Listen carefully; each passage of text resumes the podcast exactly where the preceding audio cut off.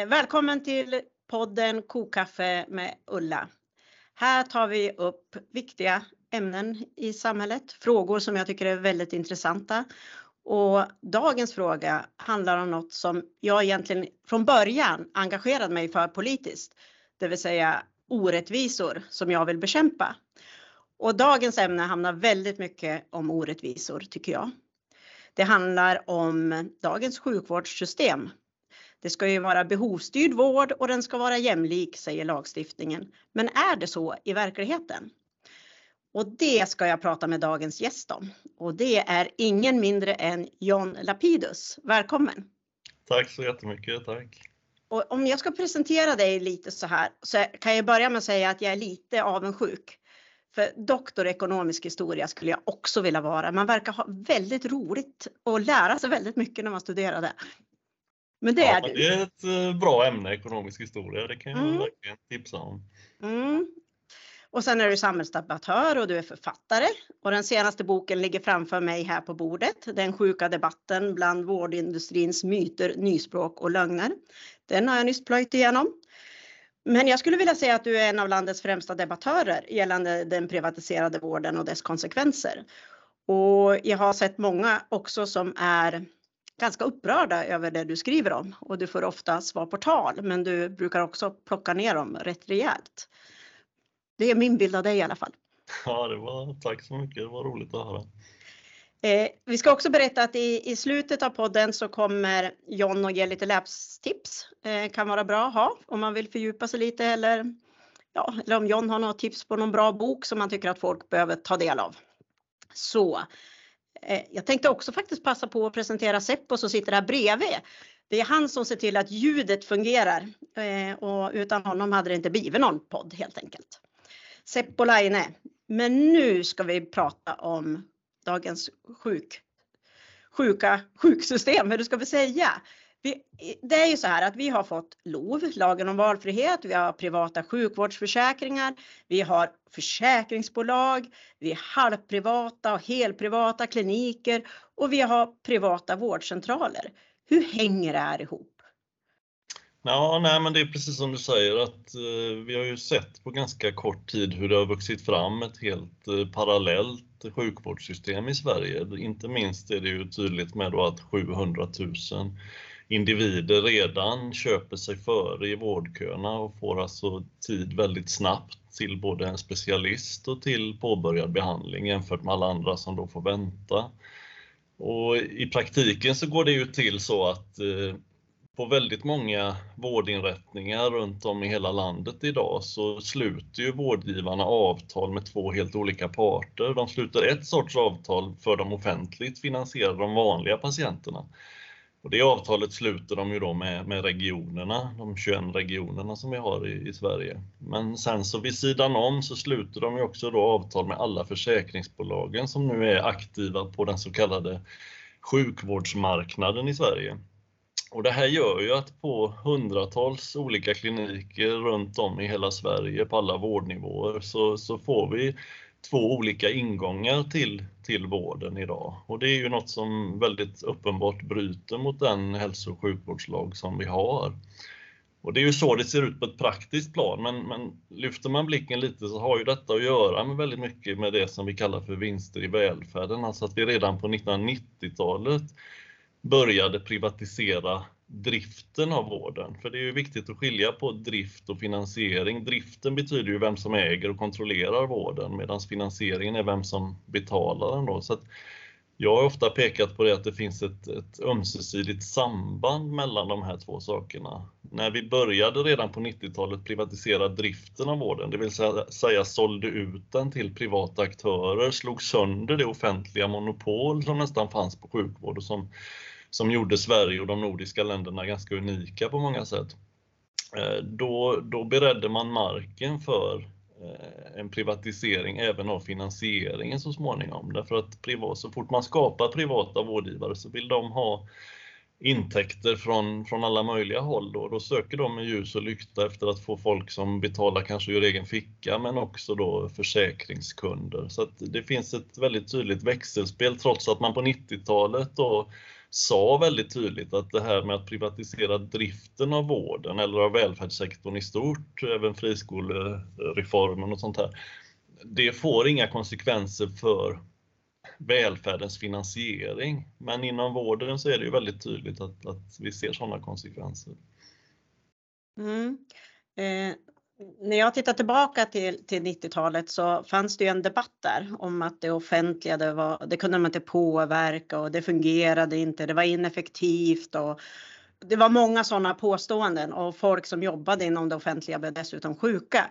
Och en av lösningarna skulle då vara att man privatiserade för de privata skulle vara så mycket effektivare och, och bättre och så. Eh, men, men nu beskriver ju du dels då att, att de privata försöker ju tjäna pengar på vården. Men skulle de klara sig överhuvudtaget utan regionernas kontrakt, de här privata vårdcentralerna till exempel?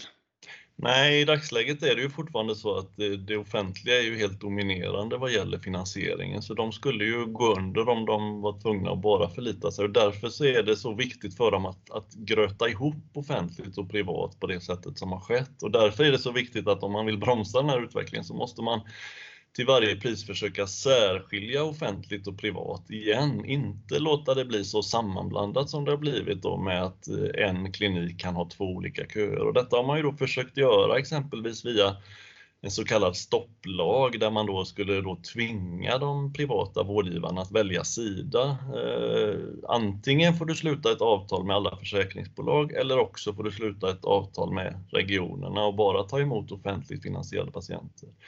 Och detta har ju varit mycket diskussion. fanns en sån stopplag 2006 och nu har den varit uppe till diskussion igen. Tyvärr så blev ju den statliga utredningen som skulle utreda detta 2021 kidnappad kan man säga mer eller mindre av den privata välfärdsindustrin på ett sätt som är exempellöst tror jag. Eh, det förekommer säkert även tyvärr i andra fall, men, men så som det skedde med den utredningen som är nästan 600 sidor tjock, eh, jag har faktiskt läst den igen nu i dagarna för jag tänker att jag ska faktiskt skri försöka skriva något mer gediget om bara den utredningen. För det är ett sånt tydligt exempel på att eh, nu för tiden i statliga utredningar så sitter det i expertgrupperna många representanter för de privata vårdintressena och i det här fallet inte minst från försäkringsbolagens sida och Svensk Försäkring som deras branschorganisation heter. Och det är också så att de har själva tillgång, ensam tillgång till all statistik i de här frågorna och det gör ju att de blir väldigt, får en väldigt tyngd i de här utredningarna och, och tyvärr blev det så i det fallet och det som är intressant är att den publiceras 2021, så varför ska vi liksom mm. tjata om den nu 2023? Jo, för att den fortfarande används som en slags legitimitetsskapare för den här ojämlika vården. Så sent som i en riksdagsdebatt nu 25 januari så var det fem av åtta riksdagspartier, deras ledamöter, de använde citat ur den här utredningen som är helt absurda, där man säger till exempel från utredningens sida att eh, privata sjukvårdsförsäkringar strider inte på minsta sätt mot behovsprincipen exempelvis. Och eftersom det står i en statlig utredning så mm. får det en väldigt tyngd. Um, och det, det är ju ganska problematiskt. Men borde inte det, det givna, alltså jag tycker hela den här debatten är, är så konstig. Om man tecknar en privat försäkring eh, så är väl tanken att man ska gå förbi hela vårdkön och ändå så försöker man påstå att man, det är inte det som är syftet. Varför har man annars då en privat sjukförsäkring? Vilka argument har du? För de medger väl inte att det är det som är syftet? Nej, precis. Och det är mycket det här jag tar upp i den boken. Du nämnde då den sjuka debatten och det är det jag syftar på när jag säger att det är ett slags nyspråk kring de här frågorna, ett upp och nervänt språk. Där det bygger ju på, beror på att eh, vårdindustrin idag, de vet fortfarande att en stor majoritet av befolkningen sympatiserar med de lagar och regler som vi har. Man sympatiserar, man tycker det är en fin tanke att, att vissa saker ska ändå vara schyssta och på lika villkor.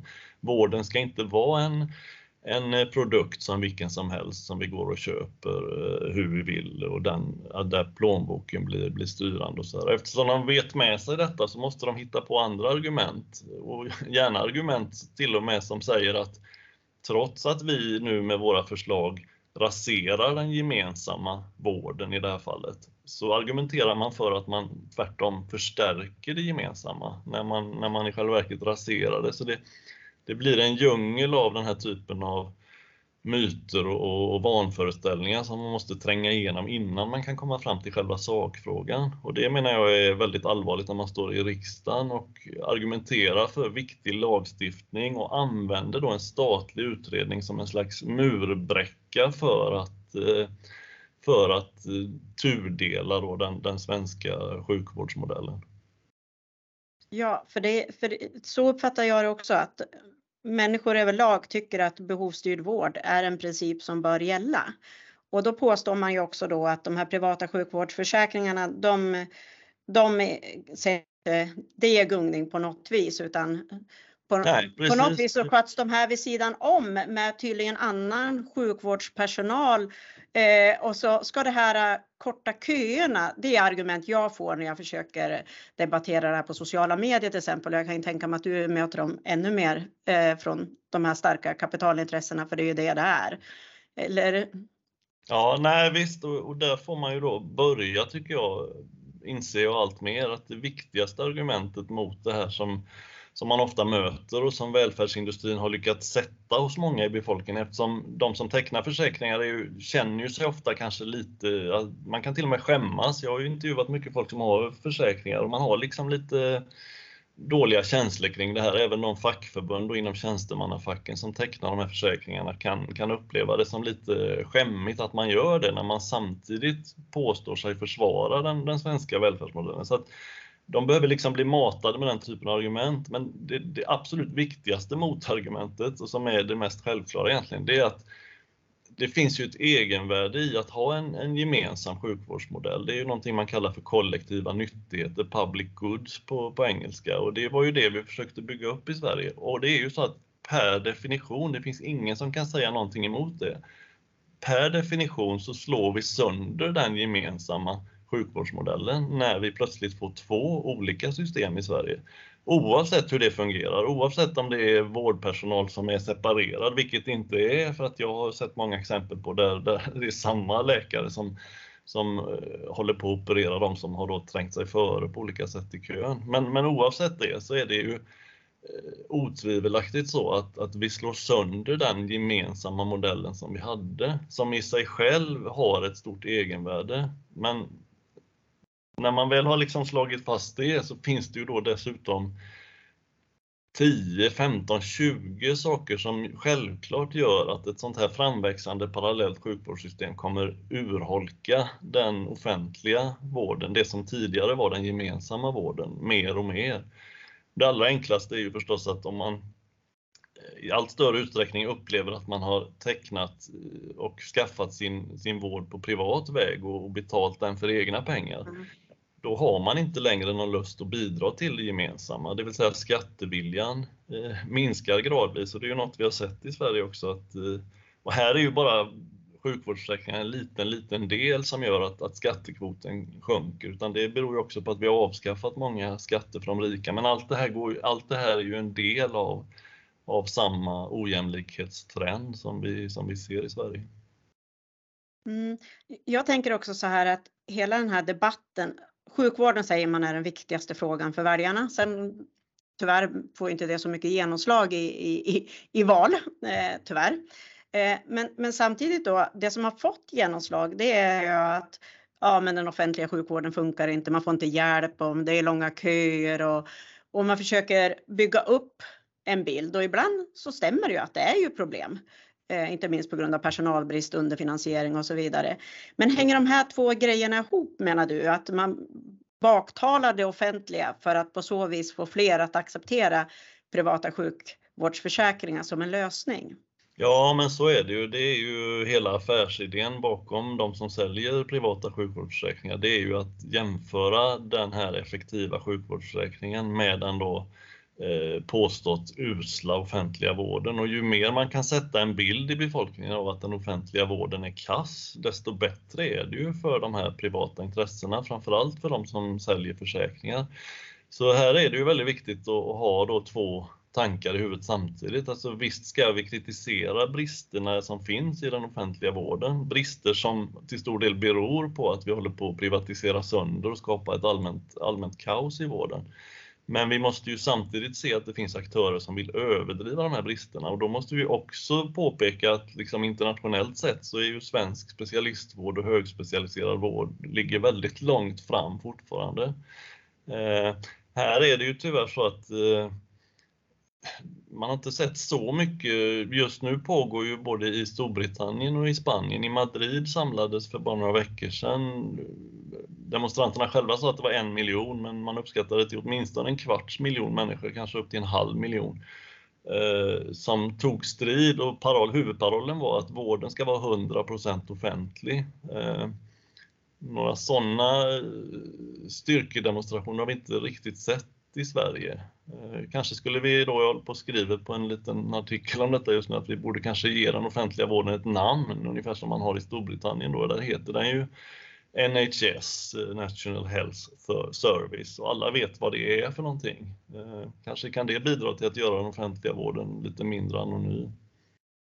Jag tänker också att, att det har jag märkt att Ofta får man ju så här, eh, nej de här går ju inte före i kön. De gick när det var stängt på kvällen eller ja, någonting sånt här får man ofta till eh, motargument. Och då brukar jag ibland svara så här, ja, men vad är det som gör att just den personen, i det här fallet då din fru, har rätt att gå före den, den här personen som egentligen är mycket sjukare? Och då blir det tyst, då får man inget svar. Eh, och jag tänker att om människor förstår att det är det som händer så skulle det inte finnas så mycket stöd heller för att ha privata sjukförsäkringar för man går på de här myterna. För jag tror inte att fackförbunden till exempel tycker att det är helt okej okay att en, en, en barnskötare, i, eller nu, barnskötare får inga privata sjukförsäkringar, men vi säger då någon i industrin eller lärare eller att det är okej okay att den kommer före och får en sjukvårdsförsäkring men den här som är sjukskriven inte får någon. Så jag tänker att de här orättvisorna, ju mer de kommer upp, ju mer borde det göra att folk blir förbannade faktiskt. Mm. Men jag tror att debatten blir så lite långt bort. Ja, den blir långt bort. Ja. Tyvärr har det blivit så och välfärdsindustrin har lyckats sätta det här liksom andra legitimerande att det är inte så farligt och det, du gör till och med folk en tjänst om du tränger dig före. Alltså helt absurda argument egentligen om man, om man skrapar lite på dem. Eh, så jag tror precis som du att, att många skulle bli ganska upprörda över detta om man faktiskt la fram det på det sättet och som, på det sättet som det faktiskt är. Sen är det ju så att det går ju att argumentera för ett sånt här system men då får man ju också göra det på, på schyssta villkor. Det är klart att det går att argumentera för att eh, att vården ska vara styrd av, av plånbokens storlek. Det är ju liksom ett moralfilosofiskt argument som har förts fram av alla möjliga filosofer inte minst Ayn Rand till exempel, eller sådana här nyliberala mm. tänkare som, eller Milton Friedman som ju var den som grundade egentligen det hela det här vouchersystemet, det här med skolpeng eller med, med, med en peng inom, inom vården som man tar med sig till respektive vårdgivare. Så, så, så, det går ju att argumentera, men, men då skulle det bli en helt annan debatt, för då skulle de som vill ha det här systemet mera få träda fram och säga rent ut att vi är för en ojämlik vård. Eh, mm. Då, då kanske folk skulle bli lite mer upprörda. Men, ja, och det gör de ju inte, så är det ju precis som du säger. Däremot brukar jag höra sådana här påståenden att ja men vi har ju betalat, varför ska vi betala för vården två, tre gånger? Eh, får du, sådana argument har du också fått har jag sett. Ja, det är klart att det är ju precis ett sådant argument som gör att man ifrågasätter att man ska betala skatt. Då. Eh, för det, det är ju så man upplever det, att man har betalat eh, två gånger för vården. Varför ska man då bidra till det gemensamma via skattsedeln? Men här vänder de ju också på den argumentationen och säger till och med att de betalar tre gånger för de vill överdriva mm. hur många gånger de har betalat. Och det där har ju med olika Eh, Eh, skattetekniska finurligheter att göra som vi kanske inte ska fördjupa oss i, hinner med att fördjupa oss i här riktigt. Men där har det också varit en stor debatt, för det är ju en del av detta. Det är ju inte bara så att det är helt privat, utan på alla möjliga sätt så, så är det ju då sammanblandat med det offentliga, även rent ekonomiskt, hur det här systemet har sponsrats av det offentliga via möjligheten att göra olika skatteavdrag. Då ville man 2018 ta bort den möjligheten, för det vore liksom en liten broms på det här systemet. Så Vänsterpartiet och Socialdemokraterna och Miljöpartiet tror jag eh, tog initiativ till, till en ny lagstiftning Eh, som skulle ta bort den här avdragsmöjligheten, att man får dra på skatten och att man får det som en, en förmån från sin arbetsgivare och den är obeskattad, vilket är väldigt, väldigt ovanligt. För nästan alla förmåner man får från sin arbetsgivare ska man ju betala skatt på, men den här var helt undantagen då just när det gällde sjukvårdsförsäkringar. Eh, men där har jag ju skrivit en del om hur då Svensk Försäkring, branschorganisationen för försäkringsbolagen och även Skandia, ett, ett försäkringsbolag, då, hur de gick till Skatteverket och hade hemliga möten med Skatteverket, eller egna möten, eh, helt utom offentlig insyn, där man lyckas förhandla bort halva, för Skatteverket gör ju alltid en tolkning av den här typen av lagstiftningar. Och då tyckte Svensk Försäkring att de hade gjort en alldeles för hård tolkning, vilket de inte alls hade gjort, för de hade gjort en tolkning som var helt enligt den lagen som hade stiftats. Men tack vare de här mötena som man hade så gjorde Skatteverket då ett nytt ställningstagande eh, där man sa att endast 60 ska vara då eh, ska beskattas istället för 100% Så det är också ett sånt där exempel på hur välfärdsindustrin infiltrerar kan man säga eh, statliga myndigheter som Skatteverket eller statliga utredningar då i det här fallet den som publicerades 2021. Och det, och var... det är väldigt allvarligt. Ja, eh, och varför kommer inte det här fram mer? De här kopplingarna och hur, hur, hur de här privata kapitalintressena påverkar såväl politiken då som men också så en tolkningar av politikens eh, viljeinriktning och, och lagstiftning. Nej, jag tycker egentligen att det borde vara en stor, stor skandal.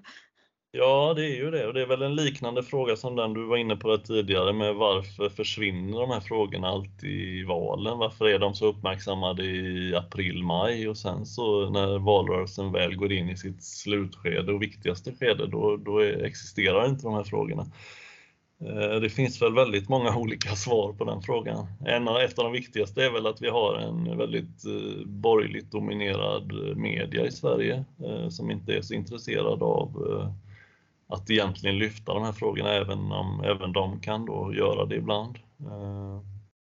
En annan, ett annat problem är väl möjligen socialdemokratins ständiga ambivalens och tvehågsenhet i de här frågorna. Att man, liksom, man säger en sak och sen är man ändå lite eh, tveksam, så man vet liksom aldrig riktigt var, var Socialdemokraterna står i de här frågorna. Sen tycker jag ändå just den här frågan som man då eh, från socialdemokratiskt håll ärligt försökt lyfta och tillsätta de här utredningarna och jobba med de här frågorna och så Men sen så om det nu berodde på otur eller slump eller sådär så, så blev det ändå ganska misslyckat då med den här utredningen som publicerades 2021. Så misslyckat att Lena Hallengren som ju då var ansvarig minister eh, tillsatte en ny utredning ledd av Sofie Nyström. Men den utredningen, den blev bara, den, den tog upp de här frågorna och de tog den på väldigt stort allvar och la skarpa förslag. Men den utredningen publicerades en fredag i juli eh, och blev helt och blev ju en ganska tunn skrift då jämfört med den här 600 långa, sidor långa utredningen som, som kom innan. Eh, så det var också ett sånt där lite mystiskt exempel på hur man nästan sjabblade bort då sin, sin egen utredning och inte gav den någon större tyngd. Eh, det där kan jag bekräfta att vill man inte ha så mycket medieuppmärksamhet då gör man saker och ting på fredag eftermiddagar. Mm. Eh, så är det. Eh, men, men, och det här med, med Socialdemokraternas tvekan, det har jag mött själv. För när vi drev vinster i välfärden där och fick igenom den här eh, utredningen en gång i tiden eh, så vart det ju också så att ja, det var okej okay till slut efter mycket, mycket bråk att man la en lagstiftning då som skulle begränsa vinstuttag ur välfärden. Men sjukvården skulle undantas. Den skulle man utreda särskilt eh, för man var inte mogen att ta ställning i, i just själva sjukvården. Eh, så. så det där har, har jag mött. Eh, men jag tänker också så här att det, det, du egentligen beskriver här, det är ju att staten är då med och subventionerar Eh, de här privata sjukvårdsförsäkringarna. Sen är företagen också subventionerade, alltså arbetsgivarna eh, får ju väl också göra avdrag för de här privata sjukvårdsförsäkringarna. Och sen är regionerna då inne och eh, egentligen indirekt på något vis subventionerar hela systemet eftersom det är ju regionerna som med skatten då betalar lokalerna, hyrorna, men också huvudsaken lönerna då till den här personalen, kanske till och med deras fortbildning och allting så här. Skulle du säga att den beskrivningen stämmer eller och i så fall är det om du ursäktar uttrycket, jävligt mycket pengar det offentliga betalar för att göra något som står i strid med hälso och sjukvårdslagens intentioner. Och, ja, nej, men och det är helt absurt. Jag skulle säga att den bilden stämmer väldigt väl och jag skulle tillägga att den allra största subventionen det är ju just detta att vi överhuvudtaget då med tanke på den lagstiftning vi har tillåter de privata vårdgivarna att, att vara offentligt finansierade till största delen, men då ha som en liten bonus att de här försäkringsbolagen kan få sluta avtal med de privata vårdgivarna. För det är ju det, det är den slags subventionen eller, eller eh, kryphålet då som man har hittat som, som har gjort att hela det här har kunnat växa fram. Därför att eh, om du är ett försäkringsbolag och har några kunder och letar efter någonstans att skicka de här kunderna eh, då, då måste du ha ett, ett landsomfattande nät av privata vårdgivare som kan tänka sig ta emot de här försäkringskunderna. Så som det var förut när vi hade ett offentligt monopol i Sverige i stort sett och några få privata, helprivata vårdgivare. Då kunde ju detta bara etablera sig i väldigt liten skala, det blev väldigt dyrt och man kunde bara skicka de här eh, kunderna till Sofiahemmet i Stockholm kanske, eller Kalanderska. Det blev bara i storstäderna och det blev väldigt småskaligt och, och dyrt då. Men det är just detta att vi har då tillåtit alla de här privata vårdgivarna att, att, ta emot de här försäkringskunderna som är, som är den stora egentligen subventionen då från, från det offentliga sidan. Och det är ju det här man har försökt att eh, komma åt med med en så kallad stopplag som man ju också då ska minnas är ju egentligen bara en reglering som kanske inte är någonting för det är alltid lätt för så fort man har skapat en sån här sjukvårdsmarknad så tror jag att det är lätt att hitta både kryphål och undantag i varje sån här reglering, vilket var väldigt tydligt när man hade en sån här stopplag under ett år då, 2006. Eh, så, så egentligen så vill man då tillbaka till ett, ett, gemensamt system, då måste man nog lyfta blicken och titta också på det här med vinster i välfärden överhuvudtaget. Ja, men den här framväxten då av, de, av det här privata sjukvårdssystemet eh, och med de här kopplingarna emellan försäkringar och, och privata vårdcentraler och, och, som jag förstår också halvprivata och helprivata vårdkliniker bygger det, skulle du säga att det hänger ihop med att sjukvården egentligen är underfinansierad? Så att människor har känt en oro över att inte få den vård man, man skulle faktiskt, eller man förväntade sig att man ska få om det händer något. Och att det är det egentligen som kanske är grunden då, förutom det, det vi tog upp i början där på 90-talet när man ifrågasatte det offentliga och på så vis bredde mark för, för det här systemet. Och att det på olika sätt hänger ihop. För när man tänker på det här med, med skatter och hur, hur många hundra miljarder vi har sänkt skatterna med så måste man ju ta det någonstans ifrån. Eh, även om det ja, i valdebatter snarare låter som att vi håller på att satsa jättemycket på, på vård och äldreomsorg och så. Men sen i verkligheten så kanske det inte är så mycket. Nej, det är, en, det är en jätteviktig fråga som jag tror har flera olika svar. Dels så tror jag att det är så att eh, på ett sätt så vill ju de som pushar på det här systemet, de säger ofta att ja, men hade bara det offentliga fungerat som det ska göra, ja, då hade den här marknaden aldrig vuxit fram. Det tror jag är ett väldigt försåtligt argument därför att det finns inget land i hela världen, om man tillåter ett sånt här parallellt sjukvårdssystem som bara riktar sig i stort sett till de arbetsföra, till de höginkomsttagare, till friska människor, till unga människor i första hand.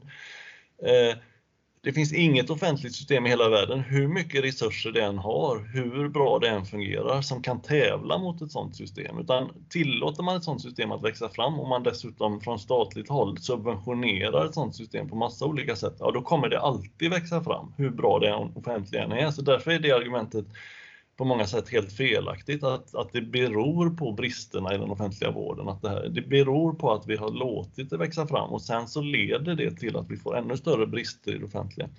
Men med det sagt så är det förstås också så att eh, det finns brister i den offentliga vården. Den är underfinansierad eh, som du säger och har varit det länge. Och det, har, det är också massa förklaringar till det förstås. Att, eh, Eh, vi har mindre skatteintäkter, skattekvoten har sjunkit, vi avindexerade redan på 90-talet, det här som gjorde att tidigare så gick eh, eh, en viss summa pengar automatiskt till välfärdstjänsterna och socialförsäkringarna, men man tog bort det och skapade istället ett så kallat reformutrymme, det vill säga man gav en klumpsumma till politikerna som de fick göra vad de ville med. Och så kunde de pytsa ut lite grann av det och kalla det för stora satsningar på välfärden.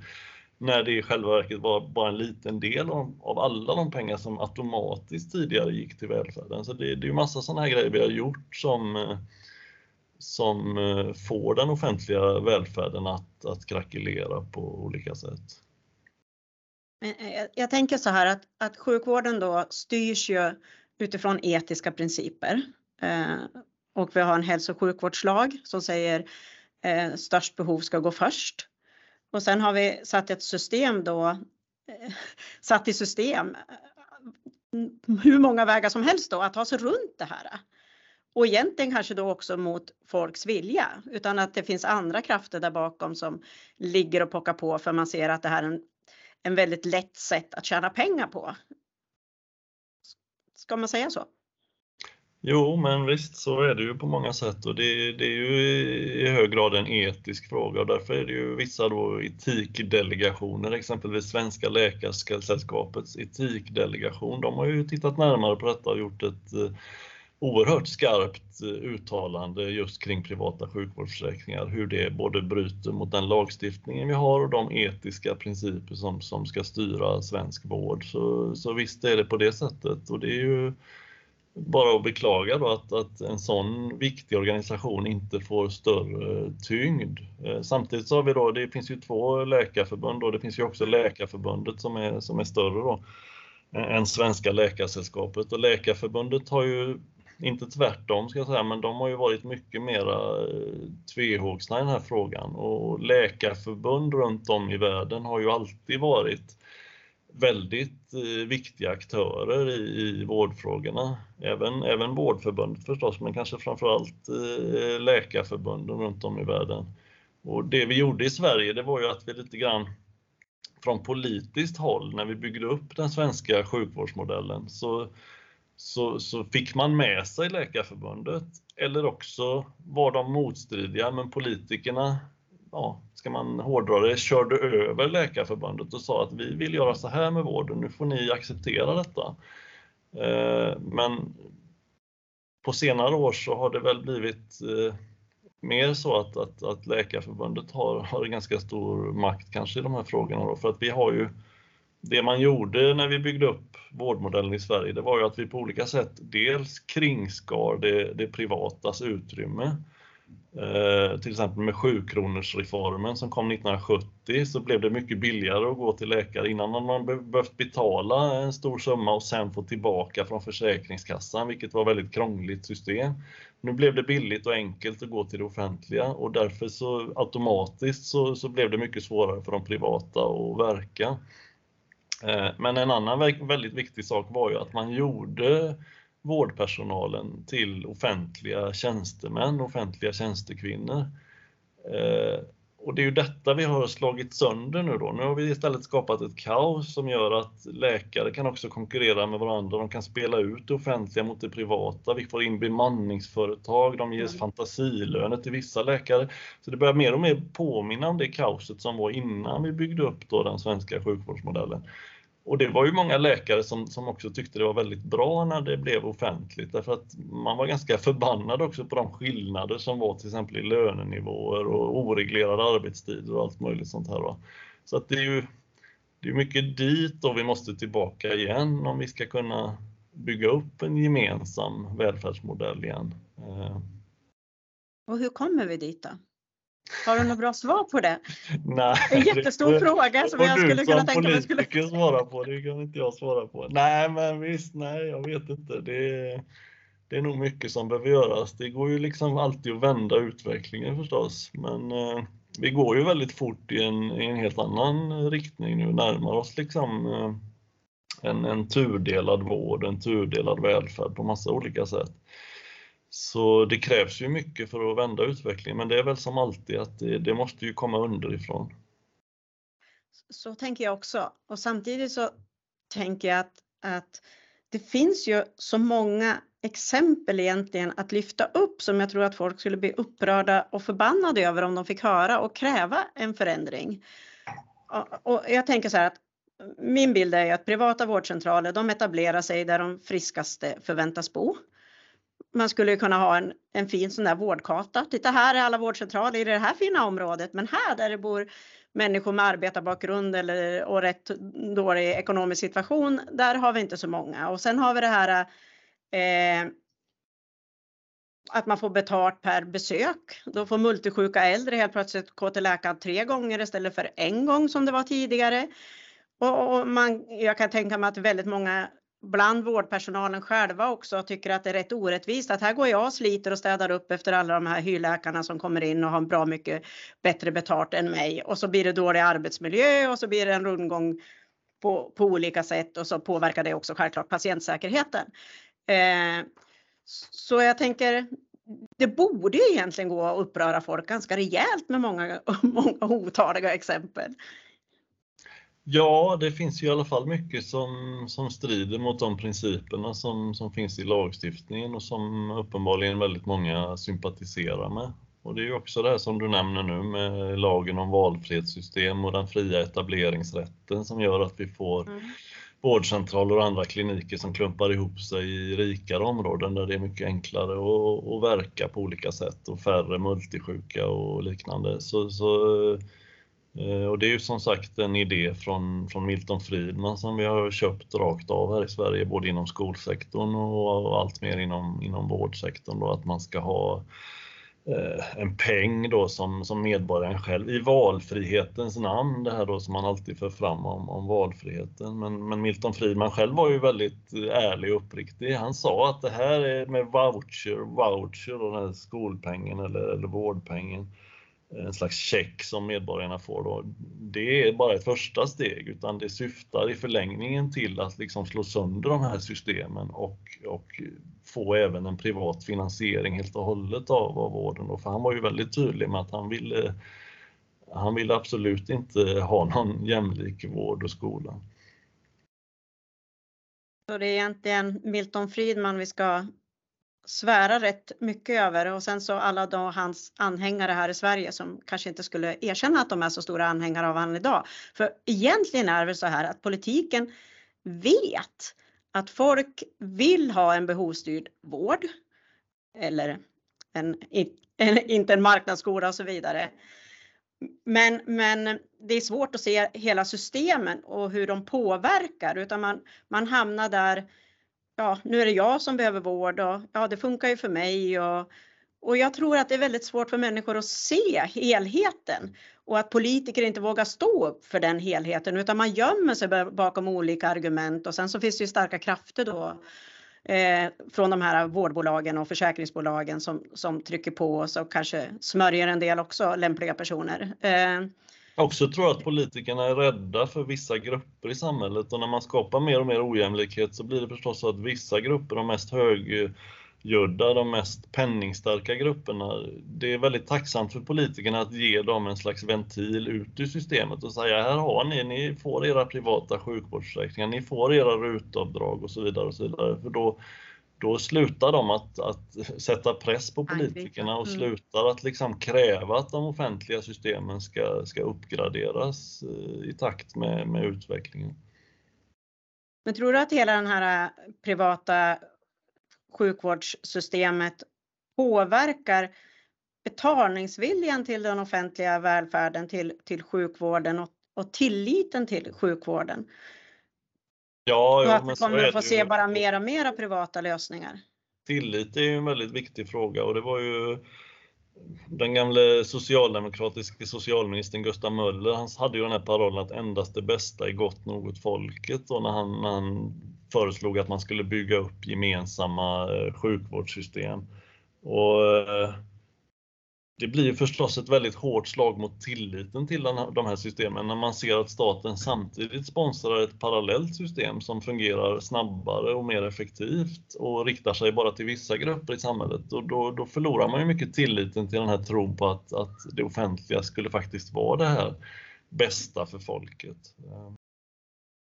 Och så tänker jag då att det finns flera fackförbund, bland annat mitt eget fack, som då tecknar privata sjukvårdsförsäkringar för sina medlemmar. Och, och det måste, tänker jag, det är ju helt absurt. Ja, det tror de jag borde ju väldigt stor- företräda en behovs...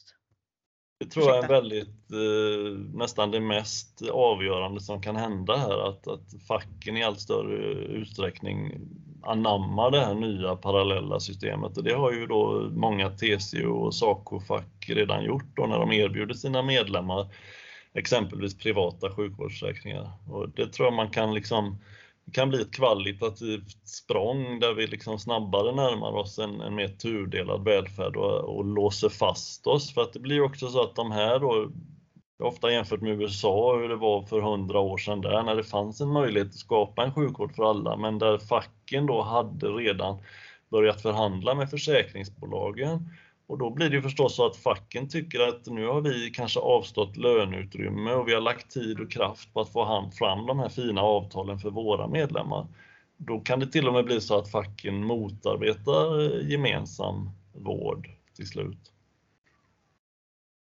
Ja, nu, jag är ju, har ju på, jobbat med, med privatiseringar av välfärden på nationell nivå och eh, nu håller jag på på regional nivå. Så nu ska vi se här, vi ska lägga förslag här om att man inte ska tillåtas ta emot för, privata sjukvårdsförsäkringspatienter. Nu vart det dribbligt i tungan här eh, på de eh, vårdcentraler som regionen har avtal med. Vi får se om vi lyckas med det.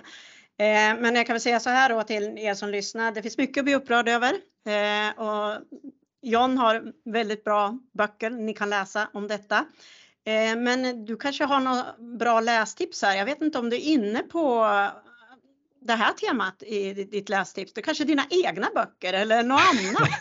Nej, det vågar jag inte tipsa om så, men eh, nej, jag vet inte. Jag, jag känner att jag läser väldigt mycket facklitteratur och sådär, så att jag skulle ju hellre tipsa om något mera skönlitterärt eh, som ju är mer njutbart. Eh, och tyvärr var det ett tag sedan jag verkligen sådär sjönk in i någon eh, roman eller något sånt där som ju är väldigt eh, härligt avkopplande när man, när man slukas upp av någonting. Men eh, när det gäller sånt så exempelvis de här latinamerikanska stora författarna. Min favorit är ju, han är ju rätt galen politiskt men jag anser att han är en av de bästa författarna. Det är ju Vargas Llosa, han har skrivit väldigt många mm fantastiska böcker, Mario Vargas Llosa. Eh, Sen började jag läsa Kerstin Ekman nu, den här, eh, heter den Löpa varg? Den verkar Mm. bra.